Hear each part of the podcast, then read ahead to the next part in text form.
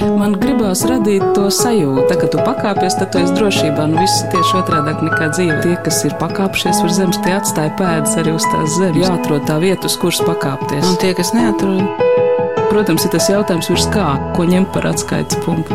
augstāk par zemi. Augstāk par zemi. Augstāk par zemi.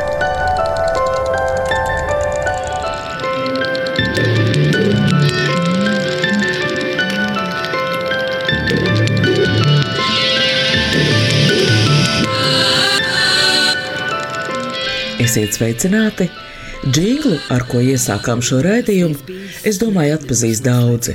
VFS filmas un Latvijas televīzijas 2018. gadā radītais raidījuma cikls atslēgas nekur nav pazudis. Visas atslēgas sērijas joprojām noskatāmas VFS filmas studijas mājaslapā, tās bieži atkārtojumā rāda Latvijas televīzijā, skolotāji izmanto vēstures stundās, un tagad pieejama arī grāmata.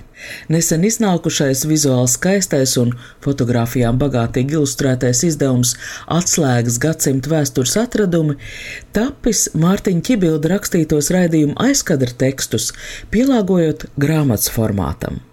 Mans vārds ir Anna Bušvica, un šodienas raidījumā vēlreiz, nu jau ar četru gadu distanci laikā, mēģināsim saprast, kur tad īsti slēpās Mārtiņa Čibilda VFS filmas kopīgi veidoto raidījumu pievilcība. Vispirms tās bija adreses, kas aicināja diskutēt par arhitektūru, tad sekoja Latvijas simtgadē veltītais vēstures stāstu raidījums Atslēgas, un man šķiet ar pārliecību var teikt, ka šie abi bija raidījumi, kurus pamanīja. Es sarunāšos ar rētījumu un arī grāmatas tapšanā iesaistītajiem, un pirmais no uzrunātajiem - vēsturnieks, kurš bija arī kā konsultants iesaistīts rēdījuma atslēgas tapšanā - Gustavs Strēnga.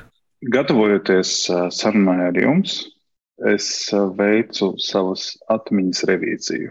Man ir ļoti slikta atmiņa, jo es esmu vēsturnieks. Jāsaka tā, ka vienmēr palīdz kādi atgādinātāji vai pamudinātāji. Un tas atgādinātājs manā gadījumā bija mana un Mārtiņa Ģibilda e-pasta saraksts. Un pēc tās, lai gan es zinu, ka es daudzus e-pastus esmu izdzēsis, bet pēc tās es spēju rekonstruēt, ka Mārtiņš mani uzrunāja 2016. gada beigās ar ideju. Viņš teica, Klau, man ir tāda ambicioza ideja, uz Latvijas simtgadi es vēlos izveidot raidījumu sēriju par Latvijas simts gadiem ar dažādiem notikumiem. Vai tu man lūdzu varētu palīdzēt noformulēt idejas? Un man atbild Mārtiņam bija, Mārtiņa, vai tu nezini, es esmu viduslaika vēsturnieks? Viņš teica, nē, tas nav svarīgi. Es gribu, lai tu man palīdzi noformulēt domas, un tad mēs 2016. gada nogalē satikāmies Latvijas Nacionālajā bibliotēkā, uz um, zaļiem divāniņiem. Man šķiet, tas ir trešais stāvs Latvijas Nacionālajā bibliotekā, publiski pieejamajā daļā. Un uh, mēs vienkārši sākām runāt un mētāt idejas, un arī šodien, lūkojoties e-pasta sarakstē, es redzu, ka mēs vairāk nedēļu laikā tikām pie kādām 50 idejām par iespējamām sērijām, no kurām lielākā daļa tika arī realizēta. Teikt, mēs bijām sākotnējā posmā, tad, kad Mārtiņš veidoja atslēgu koncepciju. Cieši sadarbojamies, bet pēc tam viņš aizgāja pats savu ceļu, un tā arī bija iecerēts. Jo man nebija ne kompetences, ne arī laika palīdzēt viņam tālākajā sēriju veidošanā, bet man liekas, nu, tās mūsu sarunas bija apusēji iedvesmojošas, jo es vienmēr, tad, kad ar viņu sarunājos, apbrīnoju viņa enerģiju, viņa pārliecību, viņa spēku. Un tas ir tas, kas arī ir palicis manā atmiņā par viņu kā par cilvēku. Jā, šī pārliecība, nevis tāda tukša pārliecība, bet tāda pārliecība, kas ir balstīta uh, zināšanās. Jautāja Gustavam Strēngam arī, vai viņam ir kāda nojausma, kāpēc toreiz savam Latvijas valsts simtgadu vēstures stāstam Mārtiņš Čibilds uzrunāja tieši viņu. Es varu tikai minēt, skan atbilde. Tas bija laiks, kad bija pabeigta lielā izstāde Latvijas Nacionālajā bibliotēkā 1514 grāmata 2014, kam sekoja LNB pastāvīgā ekspozīcija grāmata Latvijā, un tagad minēšais. Mārtiņš Čibilds meklēja paraugus, kā runāt par vēsturi, kā atrast svaigus stāstus, it kā vispār zināmajā. Robežas ar kaimiņiem jaunā Latvijas valsts sāka dalīt tik tikko izcīnījusi brīvību. Dažkārt rietumu sabiedroto uzraudzībā, jo sarunas nebija vieglas. Ar brāļiem Leišiem par palangu, mažēķiem, ilūksti un daugopili, ar krieviem par pitālu, bet īpaši karsti gāja ar igauniem Strīdīgo teritoriju bija daudz, bet visprincipiālākās - Valka un Roņu salu. Raidījumam atslēgas tepušo 50 Latvijas valsts vēstures tēmu vidū ir epizode par Latvijas valsts robežu nospraušanu, kas kutina skatītāju iztēli. Iedomājieties, ja arī Roņu sala, Palanga vai kādreizējā aprene joprojām būtu Latvijas teritorija. Mums latviešiem vienmēr patīk gausties par to, ka šķietami lēnie igauņi visu pamanās izdarīt ātrāk. Viņi pirmie dabūja autonomiju no Krievijas jau 1917. gadā. Pirmie pasludināja neatkarību 18. gada februārī. Pirmie divus gadus ātrāk par mums pieņēma savas valsts konstitūciju un ar to arī nostiprināja savas īpašuma tiesības uz Roņu salu. Un pirmie ir arī epizodes, kas sasaucas ar sadzīvisko un cilvēku pieredzi, piemēram, par RAF ražotajiem mikroautobusiem Latvijā, vai par ideoloģiskajām cīņām ap kapu pieminekļiem meža kapos, mākslas dienu grandiozo popularitāti padomu laiku norieti jausmās. Un tas arī Mārtiņa sākotnējais skatījums bija, nu, viņš tomēr arī ar savām adresēm, viņš bija parādījis, ka viņš uh, prot par varbūt kaut kādām tādām neviegli saprotamām vai arī kokainām lietām viņš prot izstāstīt ļoti dzīvīgi, ļoti uzrunājoši. Un arī tā viņa doma par atslēgām, par vēstures sērijām bija, lai tas nebūtu kaut kāds oficiāls un stīvs skatījums uz pagātni. Un pirmkārt, Mārtiņš Čibilds nebija vēsturnieks. Jā. Uz to viņš arī savā darbā nepretendēja. Viņa mērķis nebija izstāstīt tagad vēsturiski korekti. Viņam, kā žurnālistam, bija svarīgi izstāstīt šo notikumu būtību un arī savu skatījumu. Es arī pārlasīju pāris viņa tekstus. Nu, tur ir iekšā viņa, Mārtiņa viedoklis. Tas nav tāds um, vēsturnieku skatījums uz uh, notikumiem pagātnē. Man patiesībā šajā notikumā svarīgākais šķiet tas, ka Ilze Čibilde Grasa gribēja caur uh, šo grāmatu to Mārtiņa darbu padarīt ilglaicīgāku. Es negribu lietot kaut kādus vārdus par piemiņu. Man liekas, ka tas, um, ko Mārtiņš izdarīja ar atslēgām, tagad ir ilglaicīgāka forma, jo skatam, kā gribam, grāmatas ir ilglaicīgākas par televīzijas raidījumiem. Šajā gadījumā man, protams, šķiet ļoti svarīgi tas konteksts, kāpēc šāda grāmata ir tapusi. Jā, un Mārtiņa aiziešana mūžībā 2019. gadā, man liekas, tas ir tāds šim visam ļoti būtisks, paskaidrojošs notikums, kas patiesībā arī ir iemesls, kādēļ tāda grāmata ir tapusi. Kas reiz bijis, nekad nebūs noslēdzies. Pat zināmais pārsteidz, ja uz to citādi paskaties. Grāmatas iecer, kā Mārtiņa Čibilda veikuma turpinājums, tapusi viņam reiz tuvo cilvēku lokā. Projekta autori ir Mārtiņa Čibilda ģimene, izdevums taps ar mecenātu atbalstu, un projekta mērogi krietni pārsniedz tikai grāmatas iznākšanu. Izveidot īpašu internetu mājaslapa, tajā raidījuma atslēgas sērijas skatāms arī angļu, krievu valodās, tulkotie aizkadra teksti kalpoja par pamatu grāmatas atslēgas gadsimtu vēstures atradumu iznākšanai arī angļu un krievu valodās. Grāmatas lapusēs ir kvadrātkodi, kas tekstā ļauj ātri nonākt pie attiecīgās atslēgu sērijas, un tā papildināta ar skolotāju burtnīcu, kas savukārt raidījuma tēmas palīdz saskaņot ar skolu mācību programmu. Taču projekta īstenotājiem, Ilzai Grasai Čibildei, tas nozīmē iesaistīties darbā, kurā tobrīd viņai trūka iestaigāts pieredzes. Grāmatas redaktoru Lilitu Vaingārtneri viņa bija atradusi pēc paziņu ieteikumu. Tad, kad Ilze man piezvanīja pagājušā gada novembrī, viņa teica, man ir vajadzīgs cilvēks, kurš strādā ar tekstu, bet es īsti nezinu, kas tā ir par profesiju, viņa saka. Jo teksti jau ir gatavi. Nu, tu apskaties, un e, viss jau mums ir uzrakstīts, ir e, vajadzīgs. Nu, tas cilvēks, kurš ar tekstu, nu tad saliks beigās grāmatā. Es saku, nu, to dara redaktors. Iepazīstot Lilijas Vaingārtneres veidotās līdzinājās grāmatas, es nojaušu, ka viņas pienākumi neaprobežojās ar tekstu rediģēšanu. Viņai piemīt spēja ieraudzīt grāmatu kopumā. Kad tev ir dots uzdevums, ka no šī ir jāuztaisa grāmata, un tāda, lai, lai viņa interesētu kādam, tad tu sāc uz to tekstu skatīties savādāk. Turklāt tur nederēja tā versija, kā bija televīzijā. Visi gadskaitļi, viss bija tādā mistrojumā. Viņam negāja chronoloģiski sērijas, un tas bija ļoti interesanti tajā televīzijas formātā, jo tu nekad nezināji, kas būs nākamā sērija un kādas tēmas vispār viņš pieminēs, kas būs tie 50 svarīgie, jeb interesantie notikumi šajā Latvijas simtgades periodā. Nu, un tā es sāku likt kopā, sākot no chronoloģiskā 1918. gada 18. novembra, kā tā Latvija radās.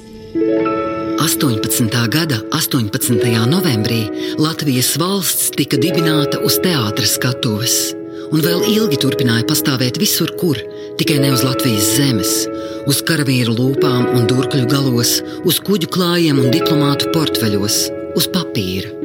Jau 19. gada sākumā Latviju bija ieņēmusi sarkanā armija. Te valdīja Pētera Stučkas Latvijas Socialistiskās Padomju Republikas valdība. Īstajai Latvijai priekšā bija gadu garš neatkarības karš, brīvības cīņas. Tas sākās Liepājā. Liepājā bija patvērusies nulle divi. Pārliekot rādījumu tekstu uz drukātā teksta vienotā plaknē, Lilita Vaingārtnere pat esot bijusi pārsteigta, cik pašsaprotam atslēga atsevišķās epizodes pārtapušas vienotā stāstā. Tekstā varēja izsakot arī, kā viena un tā pati tēma vai atslēgvārds atkārtojas dažādos Latvijas vēstures posmos, kā piemēram Lāčplēsis. Grāmatā Lāčplēša tēma tiek vairāk kārtīgi pieminēta. Sākot jau no 18. gada 18. novembra, kur es atradu arhīvā fantastisku bildi bruņu mašīna ar uzrakstu Lāčplēsis. Un tā mums arī aizgāja tā Lāčplēša tēma. 50.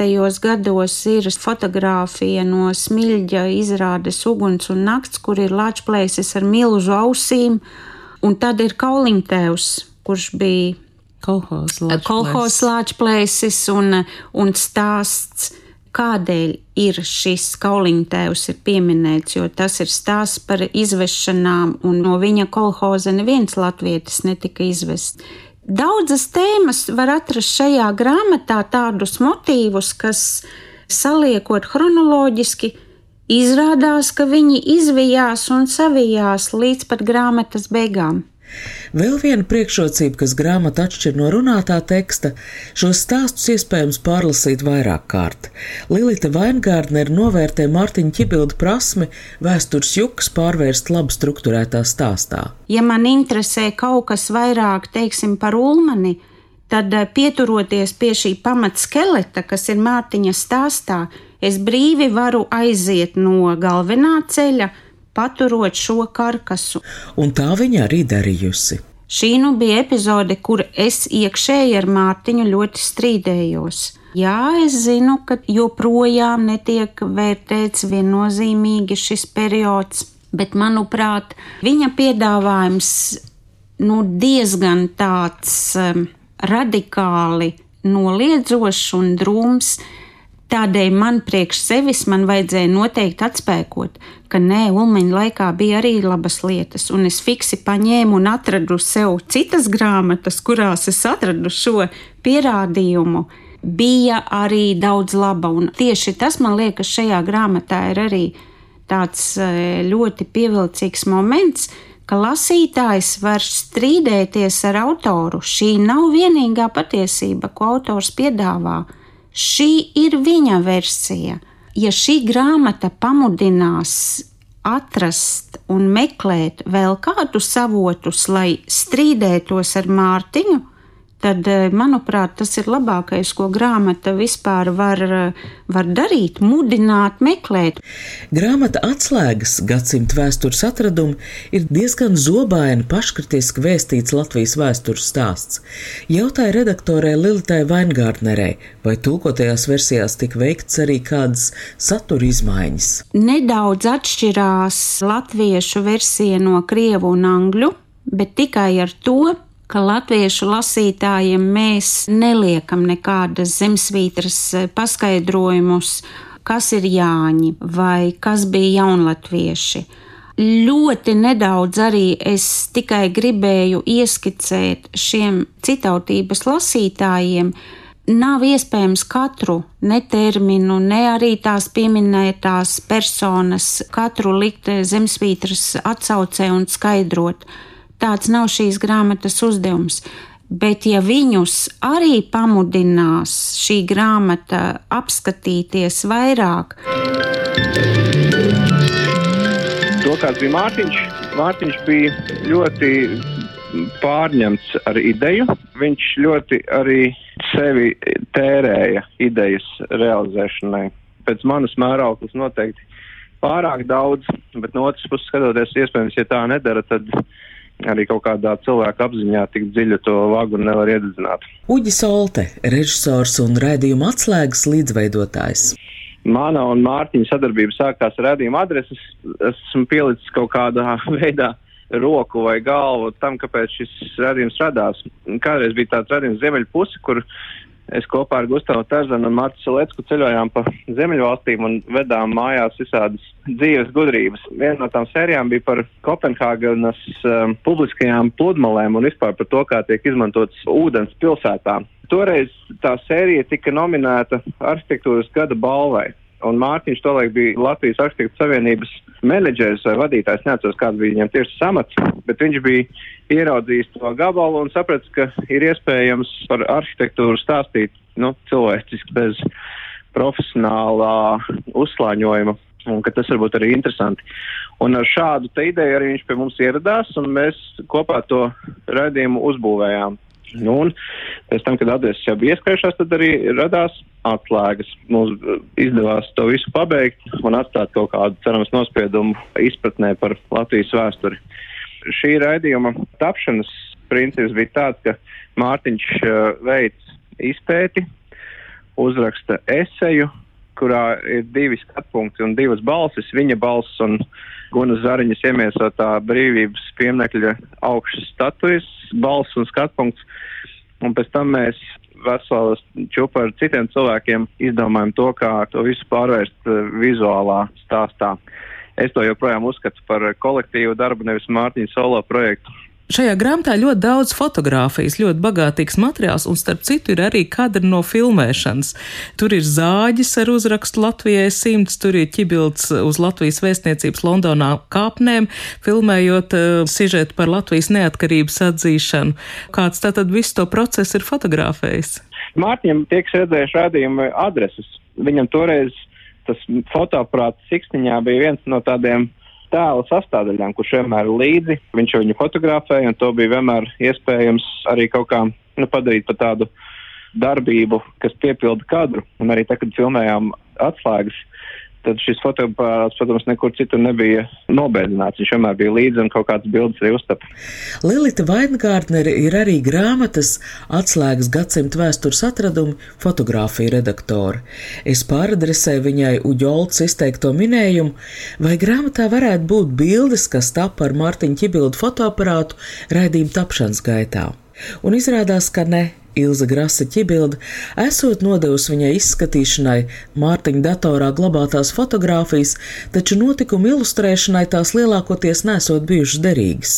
Redaktori izsaka minējumu, ka Mārtiņš fotoaparātu drīzāk izmantojas izpētēji. Lilita Vainkārtner saka, ka fotogrāfijas lielākoties nāk no Latvijas Nacionālā arhīva krājumiem. Tuvāk mūsdienām līdzējuši arī fotogrāfi Ilmārs Notiņa padomi sākot no perestroikas līdz e, mūsdienām. Viņš ir bijis klāt, viņš ir piedalījies, viena otra fotografija, īpaši kas saistītas ar e, Krievijas armijas izvešanu, kad es ieraudzīju Es pat eh, nedomāju, ka tik spēcīgas bildes, ka mēs ieliksim, no to lasītāji varēs apskatīties.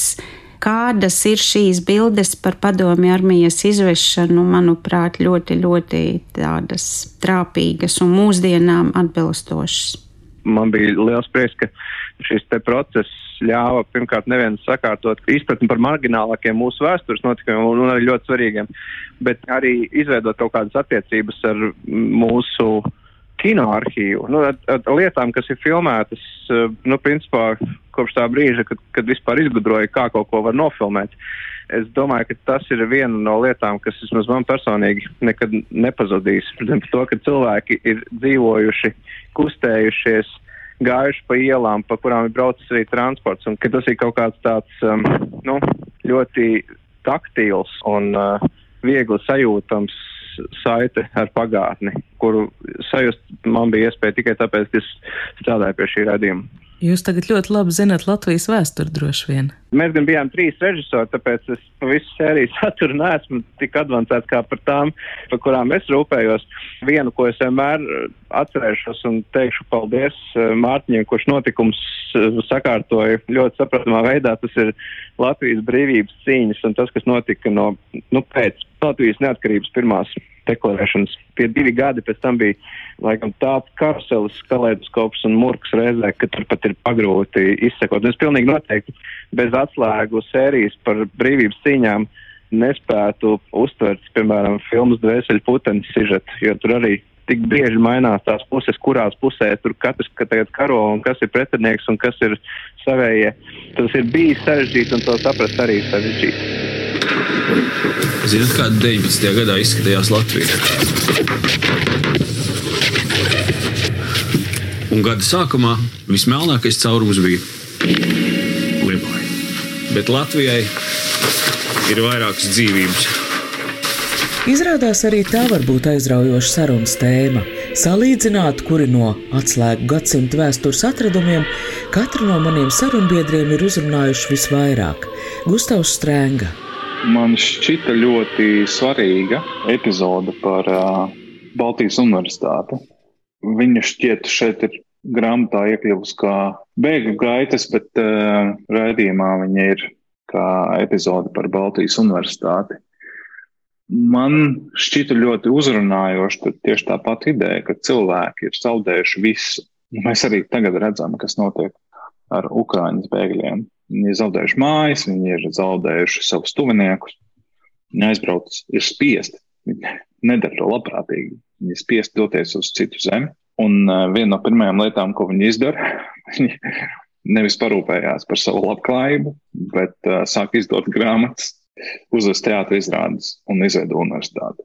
Un man tas liekas tik ļoti, nu, tik ļoti svarīgi un tik ļoti dzīvīgi. Un man kā cilvēkam, kuram ir akadēmiskā pasaule ļoti tuva, tas man likās, nu, Par to vajadzētu uztaisīt raidījumu. Tā bija viena no idejām, ko es Mārtiņam teicu. Saka, kādi valsts cēlāji, tāda pati valsts. 90. gadā neatkarīgu Latviju atjaunoja padomi cilvēki, un vēl tagad valsts mokās ar padomi domāšanas blaknēm. Kas cēla 18. gada Latviju? Pirmajā tautas padomes sastāvā un pagaidu valdībā kopā bija 46 vīri. Tikai trīs dzimuši Rīgā. Absolūtais vairākums - lauku zēni, zemnieku pēcteči. Biļeti varētu palūgt, lūdzu. Šī tāda cena jūs izputēsiet. Paldies! Mani ļoti uzrunāja arī epizode raidījuma par Brīvdabas muzeju to Mārtiņš bija laika gaitā izdomājis pats, sarunājoties ar manu kolēģi un vēsturnieku Walteru Čerbinski, kāpēc man tā epizode šķita interesanta. Tur tika izstāstīta mūsu valsts vai latviešu nācijas elites vēsture, kur 20. gados, tad, kad radās ideja par brīvdevas muzeju, tie bija cilvēki, kas tolaik ieņēma Latvijas republikā ļoti sabiedriski svarīgus amatus, kuri paši bija nākuši no laukiem, paši bijuši zemnieku dēli, un tagad, kad viņi jau bija kļuvuši par buržuāzijas pārstāvjiem, ja mēs tā varētu teikt, šī vārda nepolitiskajā nozīmē, par pilsētniekiem un uh, viduslaiņu pārstāvjiem, saprata, ka viņi grib šo savu bērnību un šo savu jaunību, ko viņi ir piedzīvojuši laukos, saglabāt. Jo tā neizbēgami gāja bojā gan politisko, gan ekonomisko pārmaiņu dēļ kopš 19. gadsimta nogales šīs latviešu zemnieku lauku sēts vienkārši gāja bojā, jo cēlīja jaunas mājas, mainījās saimniecības modelis un tā tālāk. Un es arī tagad skatoties e-pastos, ko es sūtīju Mārtiņam, es, tad, kad es noskatījos to sēriju, es teicu, Mārtiņ, Klau, šis bija lieliski. Un tas man tiešām pārsteidza, ļoti uzrunāja. Liels lēciens latviešu pašapziņai bija Rīgas Latviešu biedrības dibināšana. To 1868. gadā rosināja trīs turīgi tautieši. Ierēdnis Bernhards Dīriķis nāca no bagāta saimnieka ģimenes ērgļos. Viņa tēvs rentēja mūžu. Jānis Friedrichs Baumanis, Zaķu salas pārcēlāja dēls, Berlīnē un Pēterburgā bija izskolojies par pirmo diplomēto latviešu arhitektu. Fabrikants Rihards Thompsons bija dzimis aizkrauklas mūžas Vagara ģimenē, vēlāk arī pats bijis mūžas pārvaldnieks. 1800. gadā Rīgā dzīvoja tikai nepilni 30 tūkstoši, 4% no Latvijas iedzīvotāju kopskaita. Rētījuma atslēgas vēstures stāsta tika iestudēti kā teātrī, kā dialogs starp brīvības pieminekļa virsotni, Latvijas valsti, kas savas misijas pārlaicīgumā apvieno vairāku pauģu atmiņu, un rēdījuma vadītāju Mārtiņu Čibildu, kurš dzīvo noteiktā Latvijas vēstures nogrieznī, kuram ir savu pieredzi, urdošu jautājumu, vēlēšanās sajust saikni saikne ar bijušo? Tas ir atgādinājums, ka ja zem jebkura procesa, no kura varbūt mēs vēlāk atceramies tikai virsrakstu, ka zem šī virsraksta ir tomēr ļoti daudz teikumu, kuros vienmēr ir klāti cilvēki, cilvēku pārdzīvojumi, cilvēku emocijas un kaut kādas cēloņa sakarības. Un to ir ļoti, varbūt pat vērtīgi arī pa laikam atcerēties, ka arī tādi skaļi vārdi - Latvijas okupācija kas tieši tas bija, kā tas notika, cik ilgā laikā tas notika, kādus upurus tas prasīja. Visus šos papildu teikumus ir ļoti svarīgi atcerēties tajos brīžos, kad uh, šie vārdi kļūst par tādiem pārāk jau lieliem vispārinājumiem un tiek mētāti pa labi, pa kreisi. Ko es arī saglabāju, es arī ar literāro redaktoru runāju, ka mēs gribam saglabāt tādu normālu sarunu valodu, kur arī varbūt ir kāds lasītājs pamanīs arī kādu žargonu vārdu, bet tas piestāvēja Mārtiņam, un tas dod, nu, ka tā grāmata nav sterīla, viņa ir dzīva, un grāmata ir arī par mani.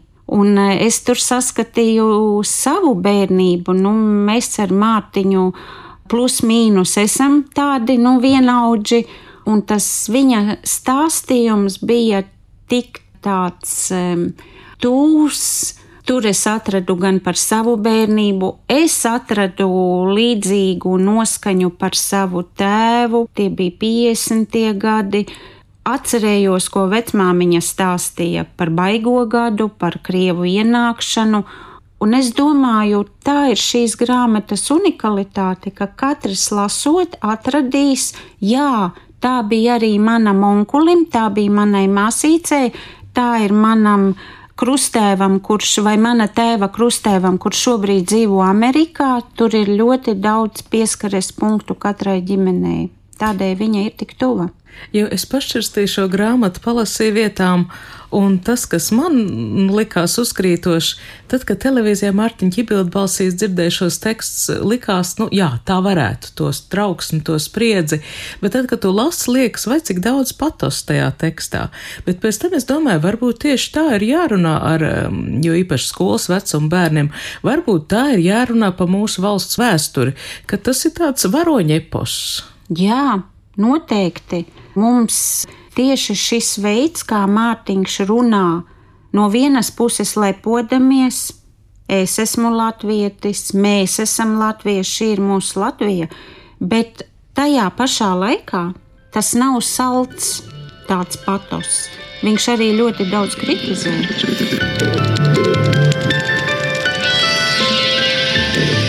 Šo raidījumu veidoja Anna Bušvica, par skaņu gādāja Valdis Raitums. Kas reiz bijis, nekad nebūs noslēdzies. Pat zināmais pārsteidz, ja uz to citādi paskaties.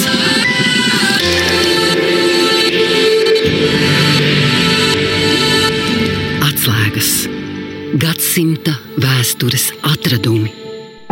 Tā kā tu pakāpies, tad tu esi drošībā. Nu, viss ir tieši otrādi nekā dzīve. Tas ir tā spēle, jā. Tie, kas ir pakāpšies virs zemes, tie atstāja pēdas arī uz tās zemes. Protams, ir tas jautājums, ko ņemt par atskaites punktu. Nē, nu, principā ir skaidrs, augstāk par zemi. Jāatrod tā vieta, uz kuras pakāpties. Augstāk par zemi. Augstāk par zemi. Augstāk par zemi.